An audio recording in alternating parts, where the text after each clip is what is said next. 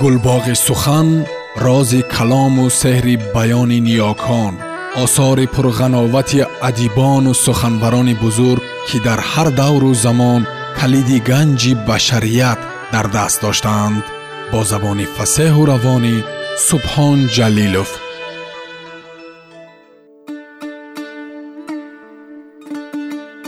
Бахтиёр муртазо. Нақби истиқлол рамани мустанад ба пешвози ҳаштодсолагии нависанда бахтиёр муртазо.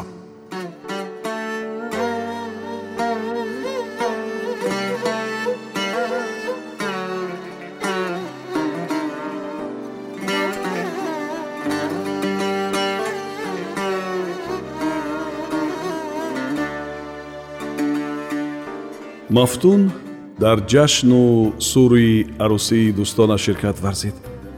Шералӣ ба ҳамон духтараки себистонӣ ки номаш ёсуман буду доимо дар номаҳои атрогинаш ду дона барги гули садбарг фиристода.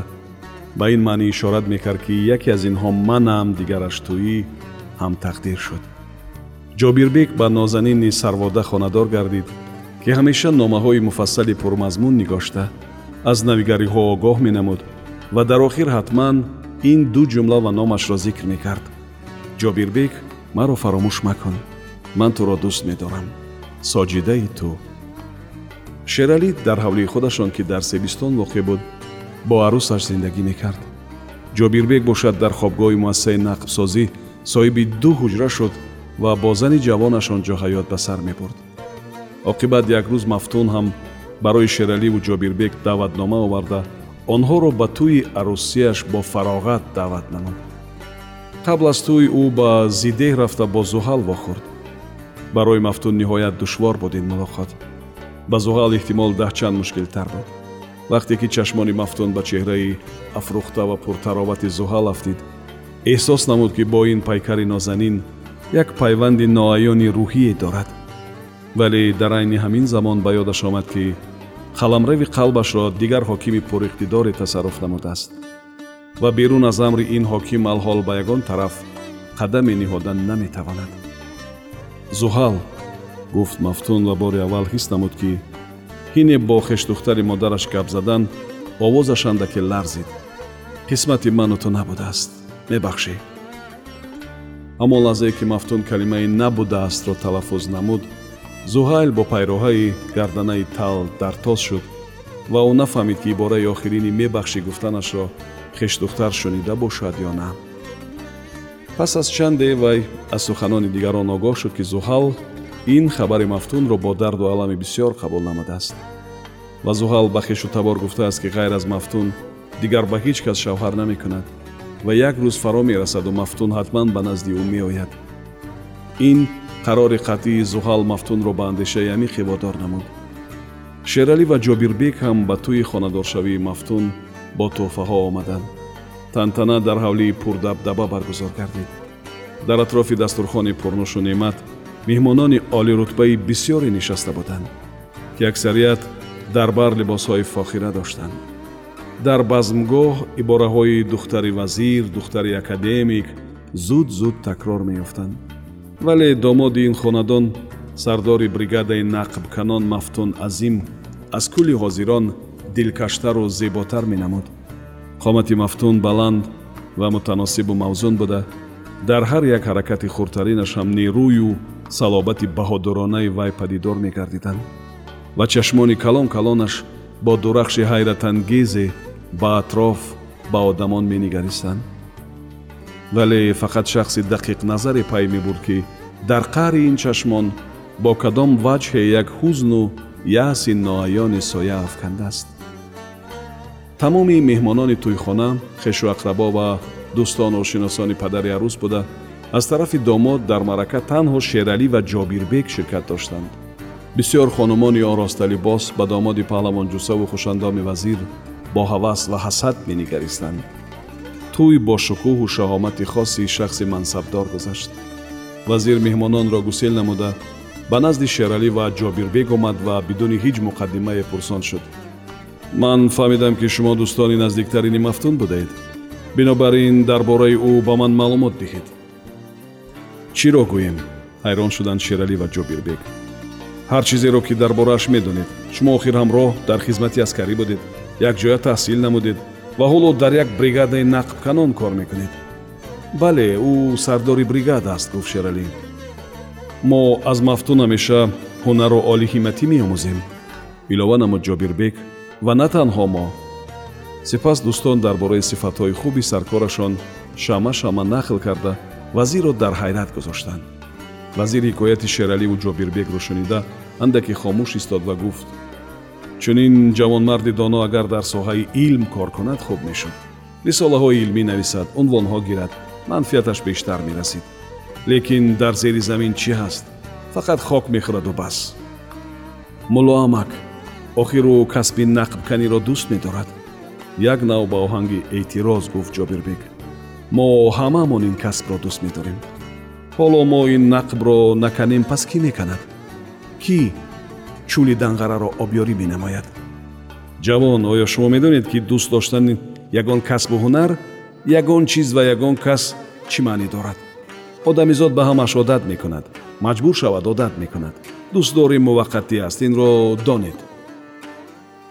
Нақбканон ин муҳокимарониҳои вазирро дар дил маъқул наҳисобиданд вале аз лиҳози калонсоливу мартабааш хомӯш монданд. Сонии шералӣ хомӯширо вайрон кард муҳтарам вазир дар бораи мафтун боз ҳаминро гуфтаниям ки ӯ мувофиқи касб бештар дар зери замин бошад ҳам аслан вай дар рӯи замин бо ду пояш мустаҳкам истодааст. Бинобар ин аз гӯши ӯ кашида зур ба зуракӣ боло бардоштан зарурат надорад. Вазир дарёфт ки барои мавқеи вазирии ӯ ин нав суҳбаташ бо нақбканони оддӣ аз парда андаке болотаранд. Бинобар ин вай каме хаёл карду гуфт.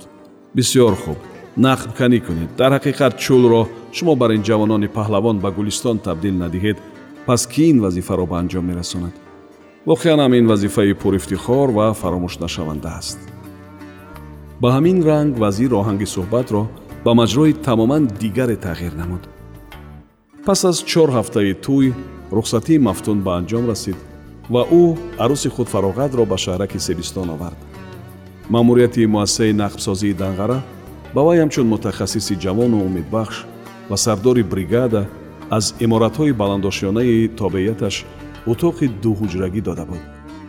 Фароғат муаллимаи забон ва адабиёти тоҷикӣ мактаби миёнаи ин шаҳрак таъин шуд ҳарчанд ки ӯ ба ин чандон рағбат надошт. Мафтун бо ҳамкасбони худ ҳар рӯз ваҷаб ба ваҷаб нақб канда обро ба чӯл наздиктар мекарданд. Ба ҳамин минвол чандин моҳ сипарӣ шуд рӯзҳои истироҳат дӯстон гаштак доштанд. Онҳо бо ҳамсарони худ ба хонаи якдигар ба меҳмонӣ меомаданд. Шералӣ ва ҷобирбек аллакай падар шуданд.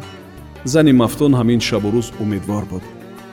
Дӯстон дар гаштаки навбатӣ ба гирди дастурхони ҷобирбек ҷамъ омада буданд ки тақтақи дарвоза ба гӯш расид. Ронандаи кузнецов ба хона ворид шуда ба мафтун муроҷиат намуд. Ака шуморо раис дар идорааш маътал аст. Бо кадом сабаб тинҷист пурсид мафтун. Тинҷӣ хавотир нашавед. Намедонам барои чӣ бошад ки якчанд нафар сардорони бригадаҳоро фарёд кардааст. Тавзеҳот дод ронанда ва илова намуд. Шумо тайёр шуда бароед ман дар поён маътал мешавам. Ронанда талаффузи калимаи маъталро дар шакли маҳтал дӯст медошт дар дафтари кори кузнецов котиби ҳизбии сохтмон ҷура бобо сармуҳандис алексей калинин сардори минтақа ҷумъахони зуҳур нақбсози овозадор владимир ерёмин ва чанд нафар сардорони бригадаҳо менишастанд ҳозирини муҳтарам ба ҷаласа шурӯъ намуд кузнецов. Мо ҳамаи шуморо барои як масъалаи хеле муҳим ба ин ҷо ҷамъ кардем. Чанд дақиқа пеш барқияи ҳукумат расид ки дар он доир ба оғози сохтмони нақби мошинрави анзоб дастур дода шудааст. Дар баробари сохтмони нерӯгоҳи роғун ва дигар иншооти калони кишварамон муассисаи мо низ бояд ба сохтмони нақби анзоб гурӯҳи мутахассисонро фиристад. Муассисаи данғара ки нақбсозӣ аст аз ин рӯ намояндагони мо дар анзоб гурӯҳи марказӣ хоҳанд шуд. Худатон медонед ки роҳ ба ноҳияҳои шимолии ҷумҳуриямон ба муддати шаш моҳ ва ҳатто аз ин зиёдтар ҳам баста мегардад. Ба ин сабаб аҳамияти он сохтмон дар пешрафти иқтисоду иҷтимоиёти мамлакат бениҳоят бузург аст. Ва ин ҳам маълум аст ки сохтмони нақби обрасони данғара ба қарибӣ ба охир мерасаду. Мо дар фикри он будем ки мутахассисонро ба сохтмонҳои муҳимтарини диёрамон равон кунем. Ҳоло мақсади ман фаҳмидани он аст ки оё дар байни сардорони бригадаҳо ихтиёран ҳастанд ки ба ин сохтмони нав бираванд. Вақте мафтун номи анзобро шунид чеҳраи беин ҳам кушодаи ӯ боз шукуфонтар шуд ва даст боло карда ба музокира баромад. Ҳамаи аъзоёни бригадаи мо ба ин сохтмони нави ҷумҳурии азизамон худашонро сафарбаршуда меҳисобанд мафтун баъди ҳамин изҳороти мухтасар дар ҷои худ нишастанӣ буд зеро ин ҷо дигар ҳарфу каломи зиёдатӣ зарурат надошт вале яке аз саркорон ба ин суханони мафтун чунин луқма партофт ба мафтун худо дод сохтмони нақби анзоб дар паҳлӯи қишлоқаш дуруст аст ки сохтмони нақби анзоб дар паҳлӯи зодгоҳи ман зиддеҳ воқеъ аст ва аз ин бобат шароити он ба ман маълум буда ҳар як пора сангаш ба чашмам чун дурру гӯҳар азиз аст. Аммо чизи дигари муҳим он аст ки акнун имкони ба ҷо овардани васияти падарам фароҳам омад. Падари ман солҳои бистуму сиюм ва чилуму панҷоҳуми асри гузашта дар сохтмони роҳи мошинрави ағбаи анзоб саркор буданд. Аз ҳикояти он кас ин иншооти бузурги умуми халқиро ҳамон солҳо сохтмони роҳи сталинобод уротепа меномиданд. Қиссаи беҳтарини зиндагии падарам ҳикояти сохтмони ин роҳ буд васияти он кас ба ман ҳамин аст ки дар ободонии роҳи ағбаи анзоб ба ягон тарзу усул ҳисса гузорам то ки рафту омади одамон осон шавад босавобтарин кор сохтмони роҳ ва купрук аст мегуфтам падарам ин ҳикмат дар ҳадиси шарифи пайғамбарамон зикр шудааст ана барои ҳамин низ ин хабарро бисёр хуш қабул кардам ва бригадаи худро аз ҷумлаи сафарбаршудагони аввалини ин сохтмон эълон намудам ҳозирин дар поёни суханронии мафтун беихтиёр кафкубӣ карданд. Баъди чунин ибтидои рӯҳбахш сафарбаршудагони сохтмони нақби мошинрави анзоб аз меъёр хеле зиёд гардиданд. Ине ки мафтун аз ин ҷаласа баромада ҳикоятҳои падарашро дар китоби хотироташ варақгардон намуд худро дар сафи он роҳсозоне медид ки бо вуҷуди маҳрумиятҳои зиёди солҳои бистум ба даст белу калан зоғнулу мисрон сабаду занбар гирифта қалби хорасангҳоро мешикофтанд ва бо мушкилоти гӯшношунид роҳ месохтанд роҳбарони ҷумҳурии навбунёди тоҷикистон дар ҳамон даврони душвори соли бисту нуҳум овози пурҳаяҷони қиблагоҳ дар гӯши мафтун наҷаб форам садо медод хеле дурандешона қарор қабул намуданд ки барои ободонии пешрафти диёрамон қабл аз ҳама роҳ сохтан зарур аст бале роҳро чун шаҳраги шараёни ҷисми ватан ҳисоб намуда бо мушкилоти ниҳоят зиёд аз пойтахт ба самтҳои фронтепа кӯлоб ва маркази маъмурии вилояти мухтори кӯҳистони бадахшон хорух ба воситаи ағбаи баландтарини хобурабод роҳи мошинрав сохтанд. Соли 1929 ба пойтахти ҷумҳурии шаҳри сталинобод аз тирмиз хати роҳи оҳан насб шуд ҳамин тавр тоҷикистон ба хати роҳи оҳани ҷаҳон васл гардид. Айнан дар ҳамон сол сохтмони роҳи мошинрави ағбаи анзоб ибтидо ёфт яъне ҳамон роҳи сталинобод уротепа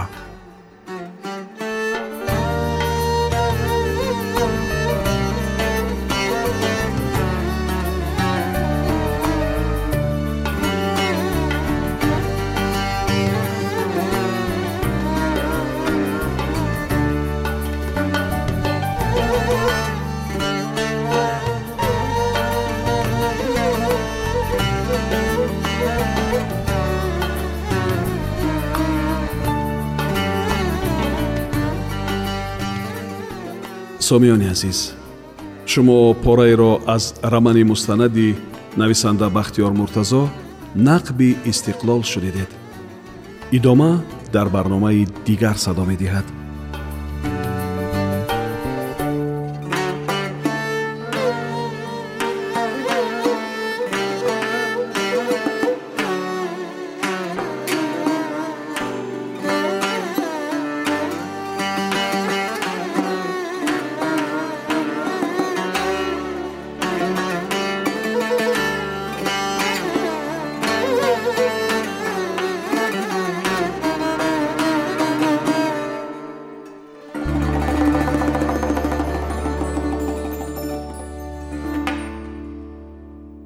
гулбоғи сухан рози калому сеҳри баёни ниёкон осори пурғановати адибону суханбарони бузург ки дар ҳар давру замон калиди ганҷи башарият дар даст доштаанд бо забони фасеҳу равонӣ субҳон ҷалилов